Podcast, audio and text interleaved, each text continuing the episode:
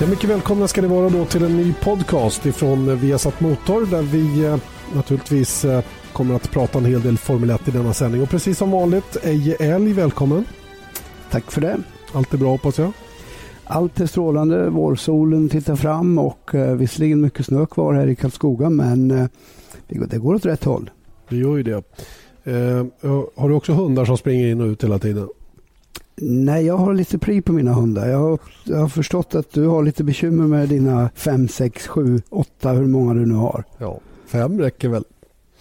Ja. Ja, de är lite stökiga faktiskt. De kan inte bestämma sig om de ska vara inne eller ute just nu. Så att, eh, och eh, det blir ju lite extra besvärligt då när de ska hålla på och trixa. Nåväl, vi ska inte hålla på och eh, tjafsa om mina hundar speciellt mycket utan istället prata eh, naturligtvis om det som har och ådragit sig en hel del eh, intresse och uppmärksamhet senaste veckan. Och naturligtvis eh, Malaysias Grand Prix som till att börja med blev ett väldigt, väldigt bra race. Men tyvärr blev det ju inte det som, som hamnade i fokus då i efterhand. Hur, eh, nu när det har gått några dagar, hur ser du på saken? Ja, till att börja med så måste jag då hålla med dig om att det var ju ett bra race och eh, framförallt så tycker jag att det var, var kul att se att Mercedes bekräftade att de är med på, på tåget på ett helt annat sätt nu. Sen eh, blev det lite, eh, lite sämre för Alonso naturligtvis som försvann redan efter ett par varv. Men eh, jag tycker att eh, man kan säga att eh, det, det båda gott inför framtiden.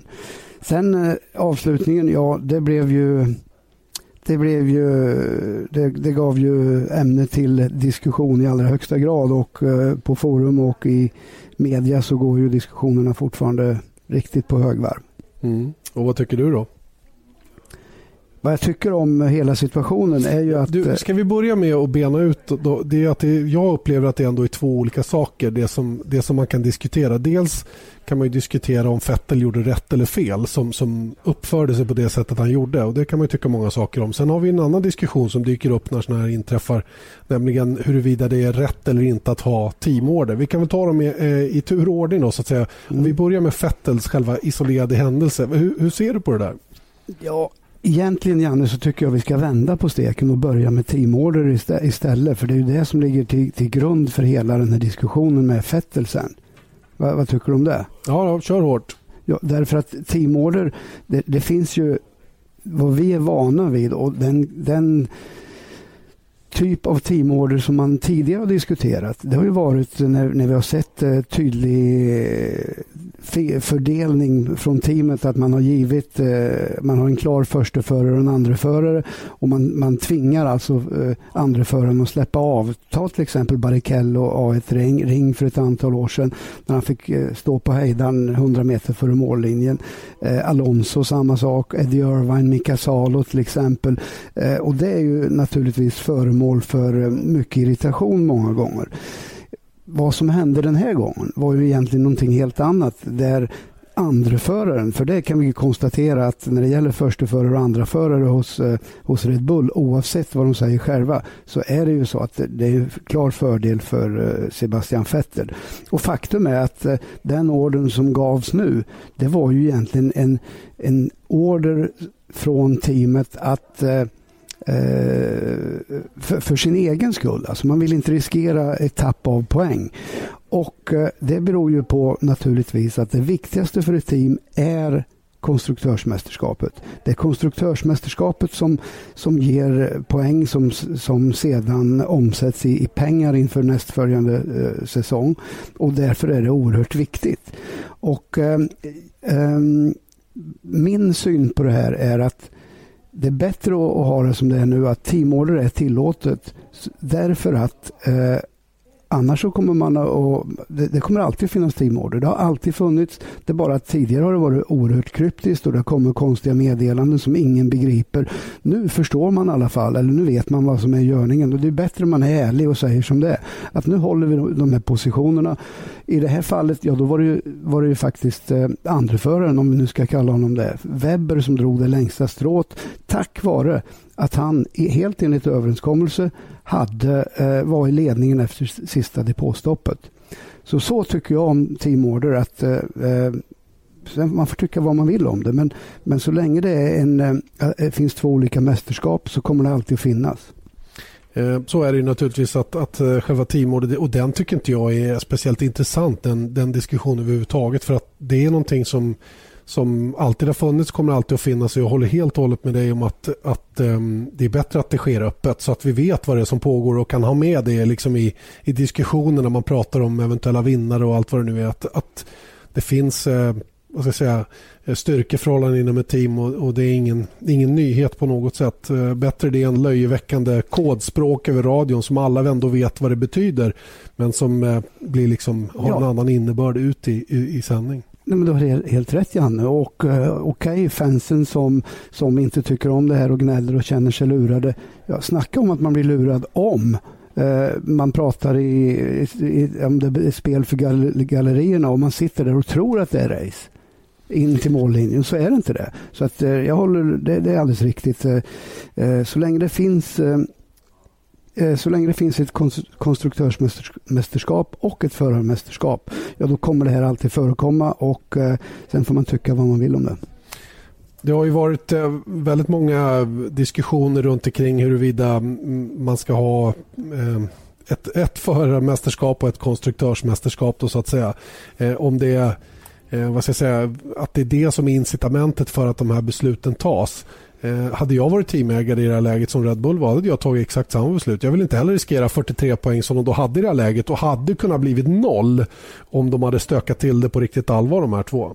Det var inte långt borta Janne. Det var, Nej, det var inte det. Det var alltså ett par tre tillfällen där det kunde sluta i tårar riktigt ordentligt. Så att eh, självklart så tog de det rätta beslutet och eh, eh sen kommer vi in på, på nästa grej och det är det, det moraliska. Och eh, just frågan, gjorde fett eller rätt eller fel? Och där är jag oerhört eh, tydlig i min, eh, min åsikt. Eh, jag tycker han gjorde fel och jag tycker att det är ynkligt gjort att eh, eh, göra på det sättet som han gjorde.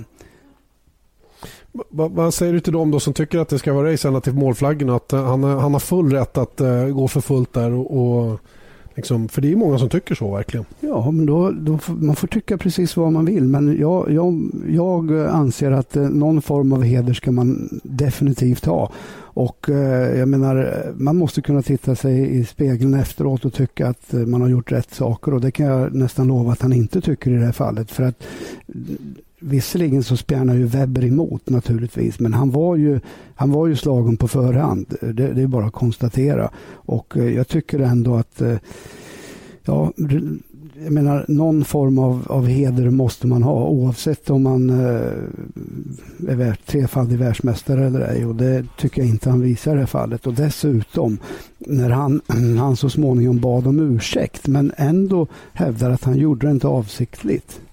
Ja, så den konstig bil han har då, den bara kör av sig själv. Den gör saker och ting som man inte kan påverka. Väldigt, väldigt eh, konstigt uttalande från, från hans sida. Mm. Eh, ja, det här, eh, vad tror du kommer att hända då inom Red Bull så att säga, när, eh, när sånt här inträffar? För det är ytterligare en intressant diskussion vad det får för, vad får det liksom för påverkan på den interna stämningen och sådana saker? Ja, stämningen var ju inte bra där tidigare. Det har ju, red, det har ju pågått under flera år och man kan ju aldrig glömma bort vad som inträffade i Turkiet 2010 tror jag det var till exempel när de körde ihop bägge två. Eh, och eh, sen dess har det ju varit eh, interna stridigheter och eh, tuppfäktning de här två emellan. Så att eh, naturligtvis eh, så bägge två är ju, är ju professionella och, och eh, försöker väl göra det bästa av situationen. Men det här är ju inte bra för att här gräver man ju gropen ännu djupare så att säga. Och Eh, det, det, kan ju naturligtvis eh, komma att påverka mycket som inte är bra för teamet. Och för en gångs skull så kan man ju också konstatera att det var ju inte bara Christian Horner som som eh, hade synpunkter på det här och uttalade sig negativt om det. Till och med Helmut, doktor Helmut Marko som entydigt har varit eh, supportat eh, Sebastian Vettel. Även han eh, fördömde ju det här. Och sedan högste Red Bull-chefen som eh, säger att det här kommer aldrig inträffa igen. Men eh, ja, vi får se. Det är inte så lätt att eh, reda ut det här. Eh, samtidigt så jag har full förståelse för att eh, eh sånt här inträffar. Och jag menar, glöm inte bort, Sebastian Vettel har inte fyllt 26 år. Han har vunnit VM tre gånger. Jag menar, det, det krävs ju lite speciella egenskaper och jag kommer aldrig att eh, eh hävda att han, han är A lot can happen in three years, like a chatbot may be your new best friend. But what won't change? Needing health insurance. United Healthcare Tri Term Medical Plans, underwritten by Golden Rule Insurance Company, offer flexible, budget friendly coverage that lasts nearly three years in some states. Learn more at uh1.com. dålig på något sätt. Utan han är en fantastisk racerförare som förmodligen kommer att slå eh, en massa rekord innan han är klar med Formel 1. Men vad jag säger är att eh, den här grejen tycker jag var riktigt dålig, riktigt ynkligt att göra från hans sida. Eh, mitt problem med hela situationen är också det. Just att, att, eh, att han eh, ger sig på någonting som inte förväntas. Han ger sig på en omkörning som inte förväntas av Mark Webber. Så att säga. Och det, det känns ju det känns eh, som om det är ganska långt under gränsen för vad jag tycker är okej.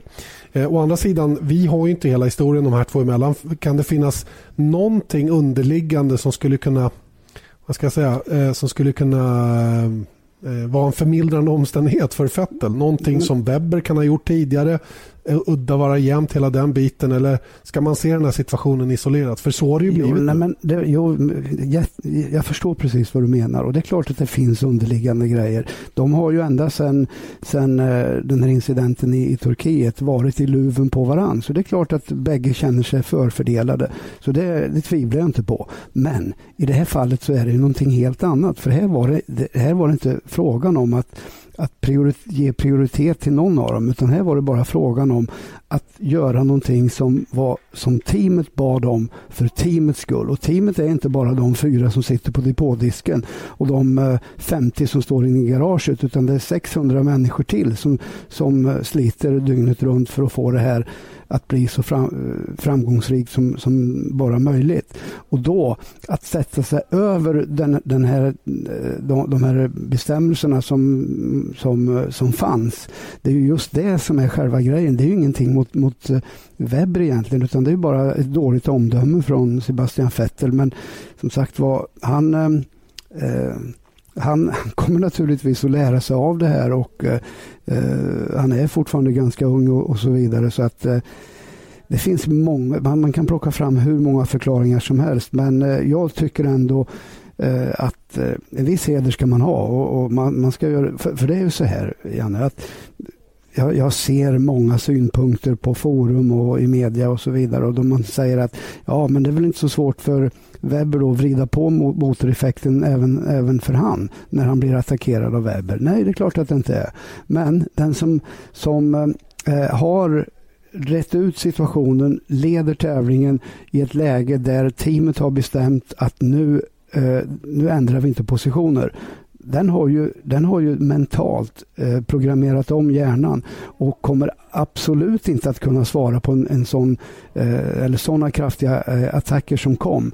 Utan hur man än vänder och vrider på det här så drog eh, Vettel nytta av, eh, av en situation som, eh, eh som inte var rättvis, där, där eh, Webber var underlägsen.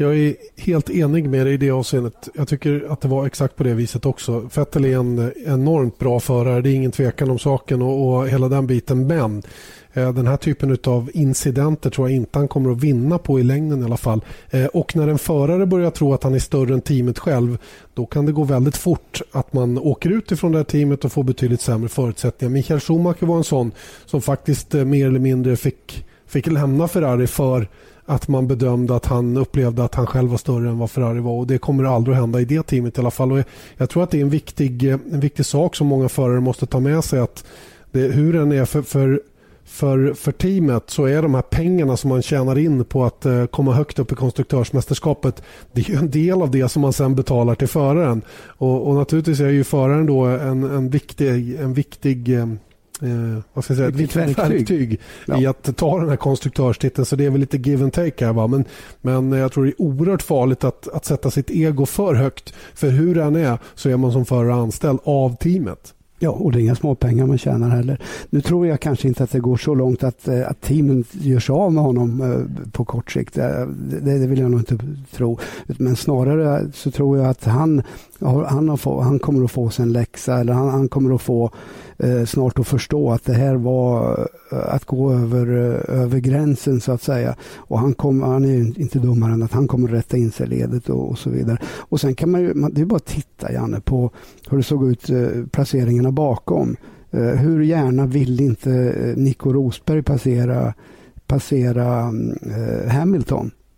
Men det var tvärstopp, så det var ju samma sak där. Mm. Och, och eh, du, du, sa att eh, man, man kommer kanske bjuda tillbaks. Du säger att han kommer inte att tjäna på det här fettet. Nej, det är klart att eh, det, det, var ju han som, som gjorde en tabbe här. Nico Rosberg däremot kommer garanterat att kunna dra nytta av det faktum att han lydde order den här gången när det var så uppenbart att han var så mycket snabbare. Ja, det kanske får runda av den här eh, historien då. Just nu i alla fall. Det lär väl återkomma diskussioner längre fram. Inte minst när vi kommer till Kina då. När allt det här ska vevas igång igen. När massmedia får tillgång till båda förarna och kan ställa ytterligare frågor. Och det har dessutom gått lite tid.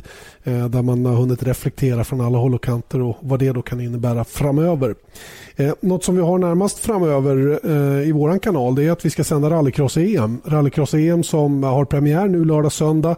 Eh, och eh, det här ska bli söndag måndag förlåt, är det premiär på Leadenhill i England. Och eh, det här mästerskapet, rallycross-EM, alltså ådrar sig lite extra uppmärksamhet i år. Och det har ju en eh, speciell förare sett till, eh, kanske egentligen flera, men jag tycker nog att det är en speciell förare som har sett till att det blir på det här viset. Han är rallyvärldsmästare sedan några år tillbaka och han heter Petter Solberg. Han har har bestämt sig för att lägga av med VRC och istället köra rallycross. Vi fick en pratstund med Petter tidigare om sin nya satsning. Ja, det är ju sånn eh, Efter att ha kört, eh, Eller startat med rallycross i karriären, gått över till rally nu i 15 år, och nu är jag tillbaka i rallycross, så är det en helt ny adventure. och, och det är spännande. Jag är ute efter uh, new challenge, och det, det är litt kul. Ja, du, du, var inne på det. Du är ju känd som rallyvärldsmästaren Petter Solberg, men du har ju erfarenhet från sporten. Kan du berätta lite om hur det började? Ja, jag kjørte, starta på folkerace. Så gick jag och körde rallycross och backtävlingar. Uh, vi vant uh, eh, ja, 19 av 21 löp där i rallycross uh, första året, och 15 av 19 löp andra året. Och då tänkte jag, nu måste jag försöka finna på något nytt. Og Da prøvde jeg flere forskjellige grener, og da fant jeg ut rally var det som var kult. Nå har jeg også prøvd andre sporter igjen, med, med både asfaltracing og Le Mans eh, World Touring Car og lite forskjellig. Og har ut, og fått tilbud der. Bra tilbud fra to team.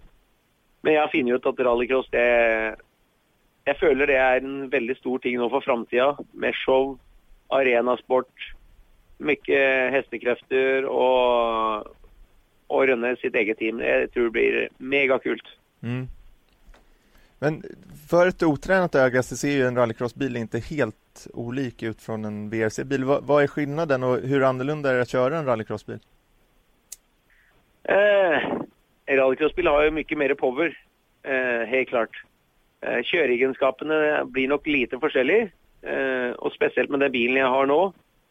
Eh, for pga. tiden så har vi inte räckt att göra allt 110% som jeg liker, så bilen er 97 prosent. Så eh, den neste bilen jeg bygger, skal bli eh, enda råere og enda bedre. Og, og kanskje enda nærmere VRC-bil i chassis. da. Så, men eh, det er jo hestekreftene som er kult her. Det er jo det er nesten dobbelt så mye hestekrefter som i en rallybil, så dette er skoj. Mm.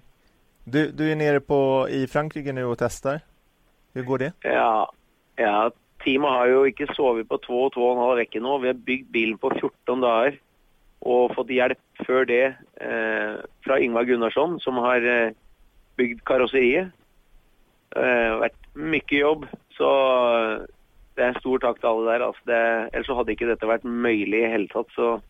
Men ja, vi är i Frankrike nu, klara för, eh, klare för testning.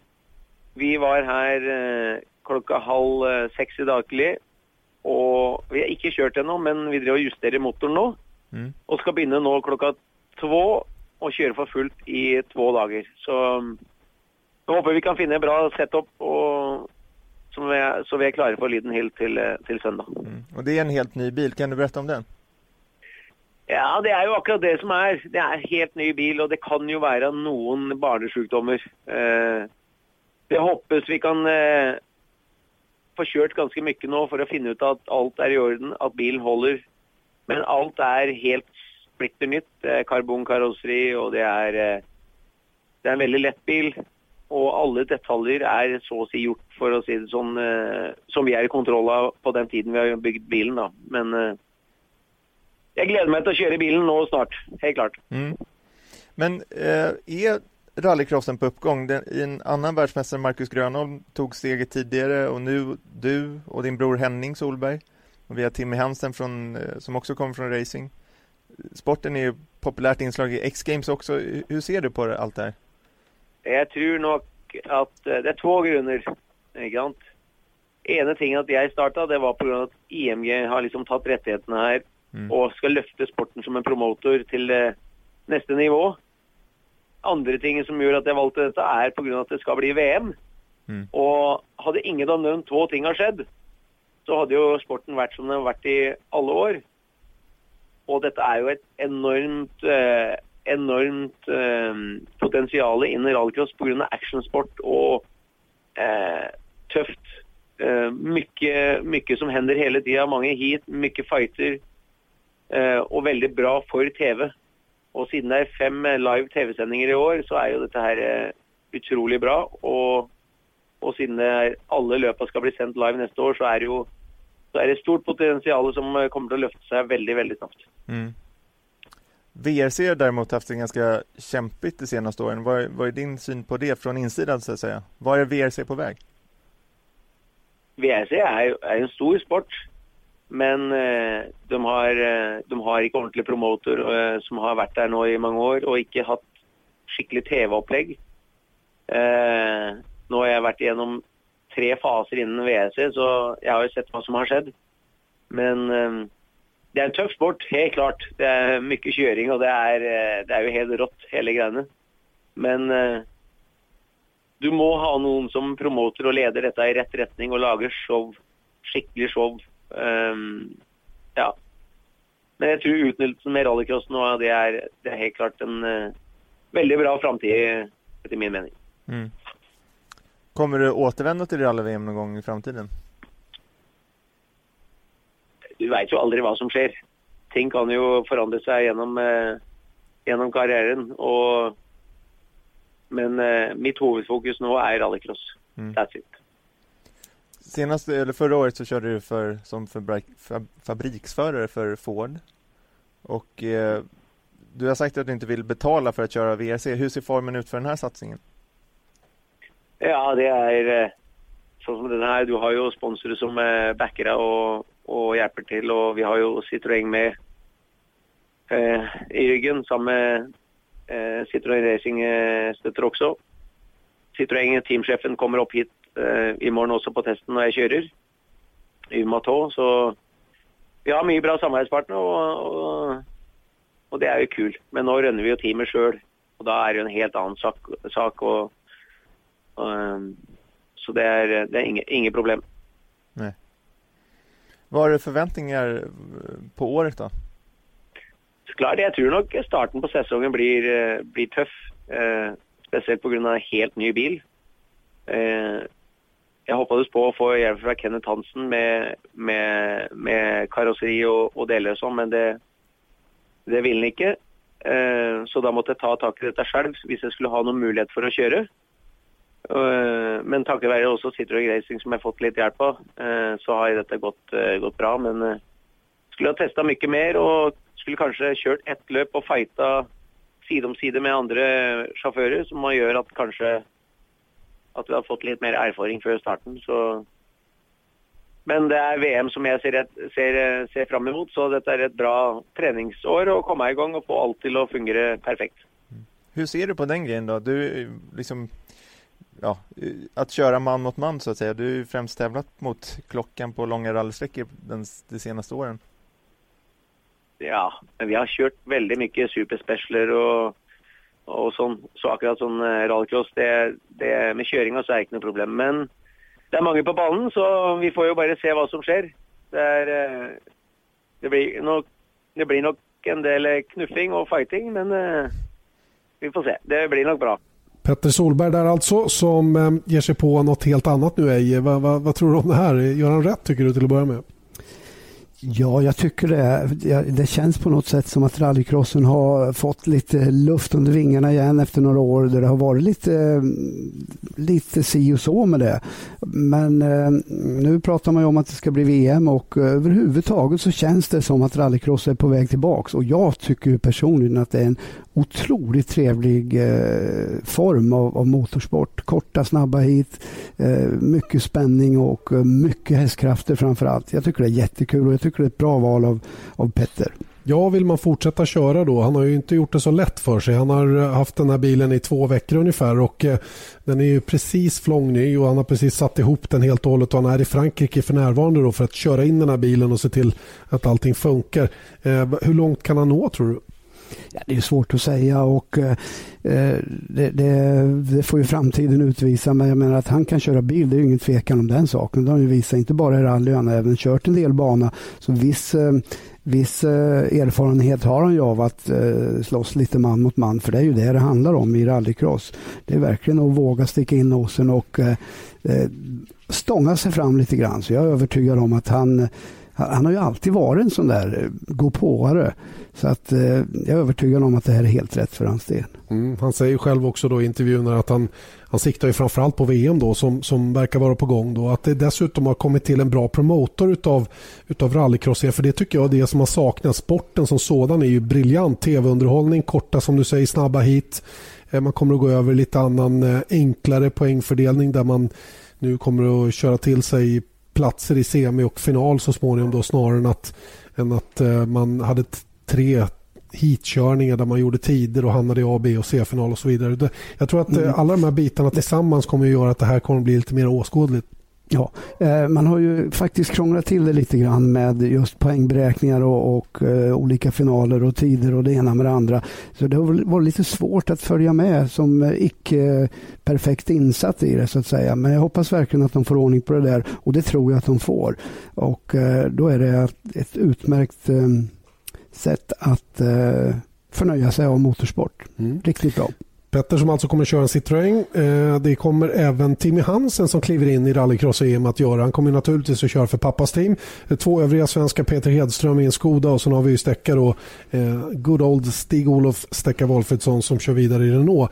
Ehm, det här är ju lite kul ur svensk synvinkel också då att vi har tre bra svenskar som kommer till start. Eh, vad tror du om Timmy då som du har sett på nära håll i banracing då men som nu tar steget över till rallycross? Ja, det ska bli jätteintressant och jag har ju faktiskt på väldigt nära håll följt Timmy och varit lite grann eh, smått involverad i hans eh, tidigare formelbilskarriär. Och Timmy är ju en, eh, en jättebegåvning naturligtvis och med tanke på uppväxten och hela hela familjen Hansen eh, har ju levt i rallycross ända sedan han var född i stort sett. Så att, eh, det är inget fel på förutsättningarna och eh, att de kan bygga bilar där nere i Götene, det vet vi också. Så att eh, eh får, får, får Timmy bara lite erfarenhet och lite känn på hur det är uppe i, eh, på, uppe i toppen där så är jag övertygad om att han kommer definitivt att kunna bli en överraskning. Mm. Onsdag kväll 21.00 i Viasat Motor ser ni ett sammandrag då ifrån den första rallycross-EM-deltävlingen på Leden Hill i England alltså med Petter Solberg, med Henning Solberg, med Peder Hedström, med Stekka Walfridssons, Tim Hansen då, med flera som kommer att köra den här tävlingen och det ska bli oerhört spännande att se hur det här kommer att avlöpa så småningom. Sen Eje har det ju eh, hänt saker. Eh, vi hade ju presskonferens med Mattias Ekström förra veckan då, som presenterade sin satsning för eh, DTM. De är på test i Barcelona nu i början på den här veckan. Och idag kom också det officiella uttalandet då att man nu siktar på att få ihop ett DTM America där man naturligtvis då Mercedes, BMW och Audi då som finns med. Men man hoppas också i, inom ett likadant reglemente att locka med lite amerikanska tillverkare. Vad, vad tror du om det här? Jag tycker det är jättebra. Det här har vi faktiskt berört några gånger tidigare. Och Det är kul att man nu eh, äntligen kommer ut med bekräftelsen att, att, att så blir det. Man har ju redan börjat, eh, även på andra sidan jordklotet i Japan, att börja anpassa sig lite grann för vad som komma skall. Eh, och jag ser ju fram emot den dagen när det blir ett riktigt internationellt mästerskap där vi har team från USA, vi har team från Europa, vi har team från Japan.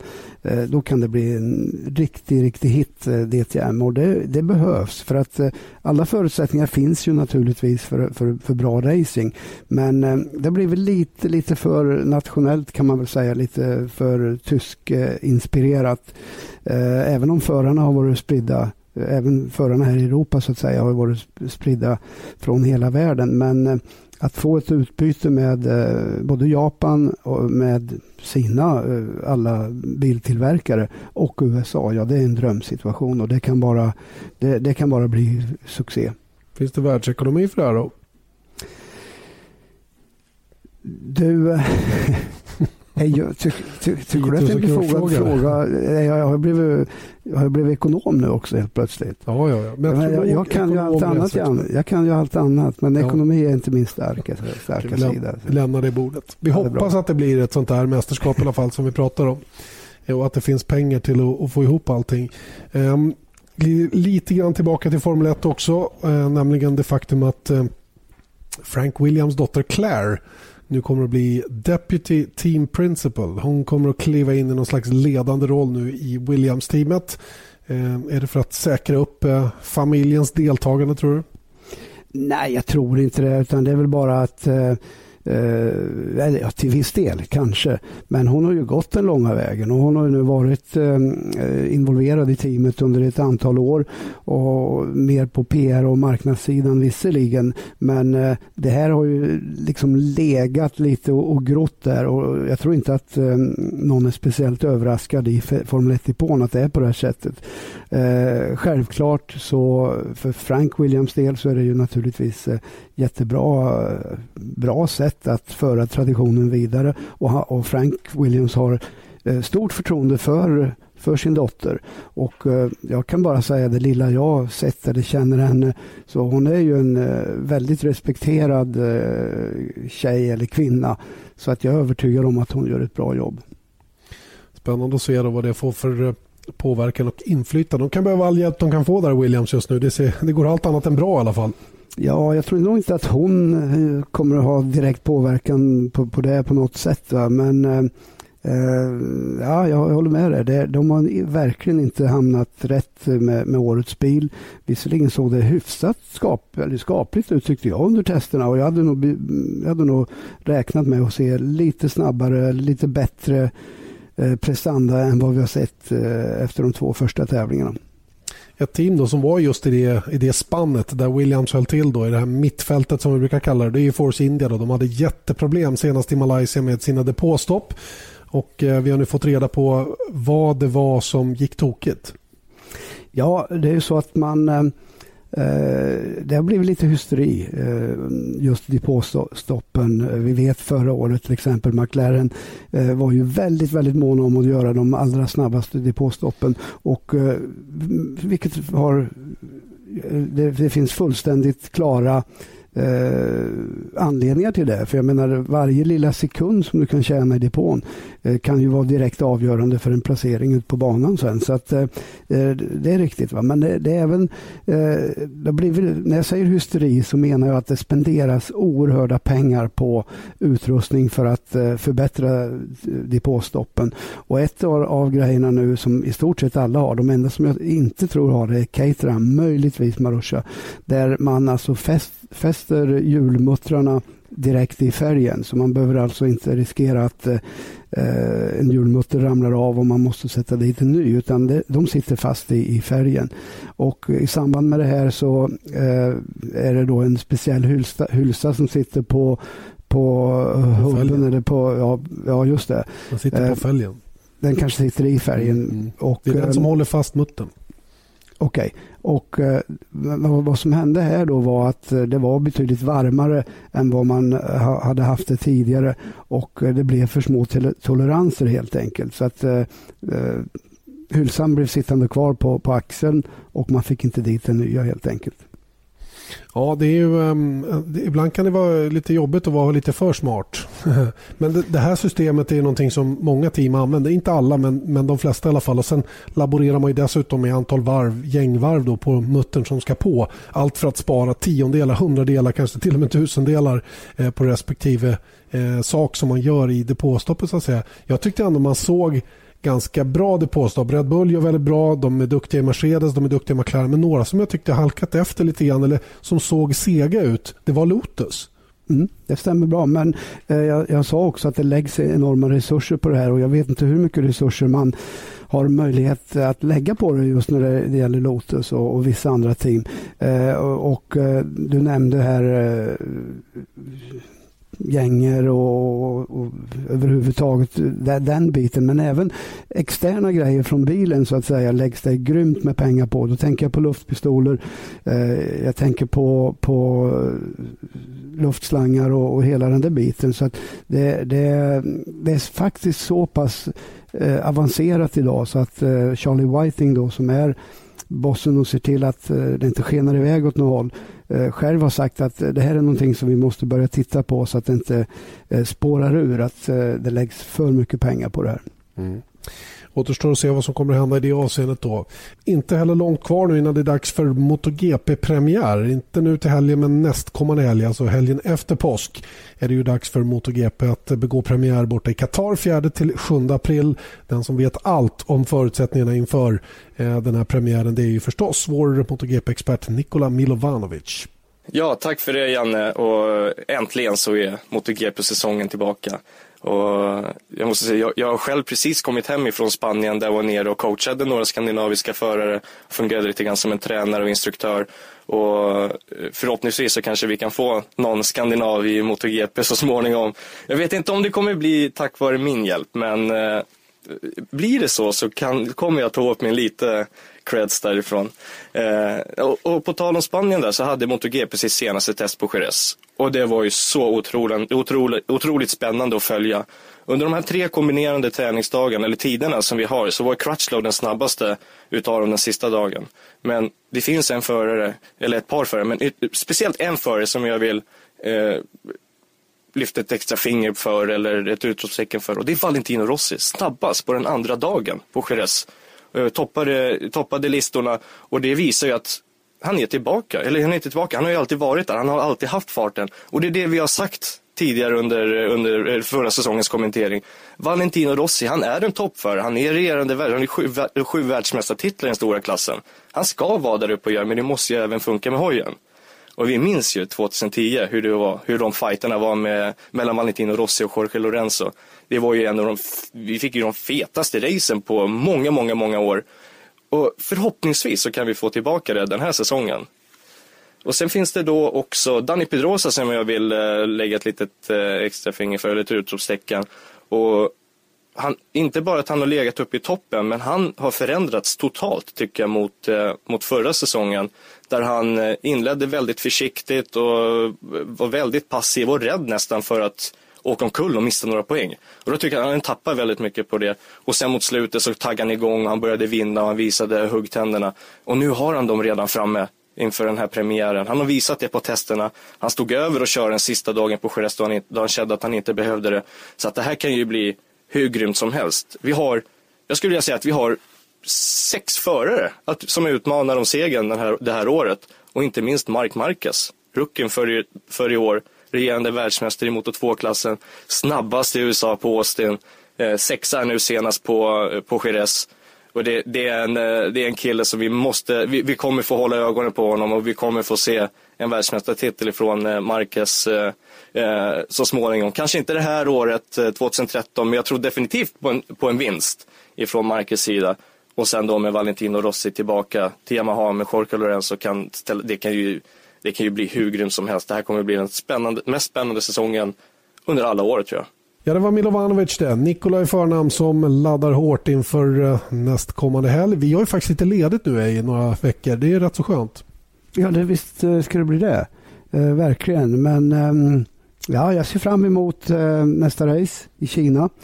Där eh, förra året vi fick eh, den enda framgången egentligen från Mercedes och nu är de ju på gång så det ska bli intressant att se vad som händer där. Till sist, tror du att Formel 1 förlorade eller vann på kontroversen senast i Malaysia? Jag tror att i, slut, i slutändan så tror jag att, eh, att, det, det, att, att det blev... Eh, jag tror inte att man, att man förlorar på det i alla fall. För att det, det pratas väldigt mycket om det. Och, eh, visst, det finns ju vissa som eh, naturligtvis tycker att det här är skräp. Att man inte får racea ända till mållinjen och så vidare. Men rent generellt så tror jag att eh, det bara bygger på intresset för Formel 1. Det låter bra det. Jag litar på dig. Okej, då tar vi och, och njuter av vårsolen då som faktiskt lyser över oss här och eh, återkommer närmast om en vecka igen. Då är vi tillbaka med en ny podcast och då ska vi snacka ännu mer MotoGP för då har ju liksom det dragit igång där borta i Qatar. Tack så länge säger nu Janne Blomqvist och Eje Älg. Glöm inte att släppa in hundarna Janne. jag lovar jag ska göra det.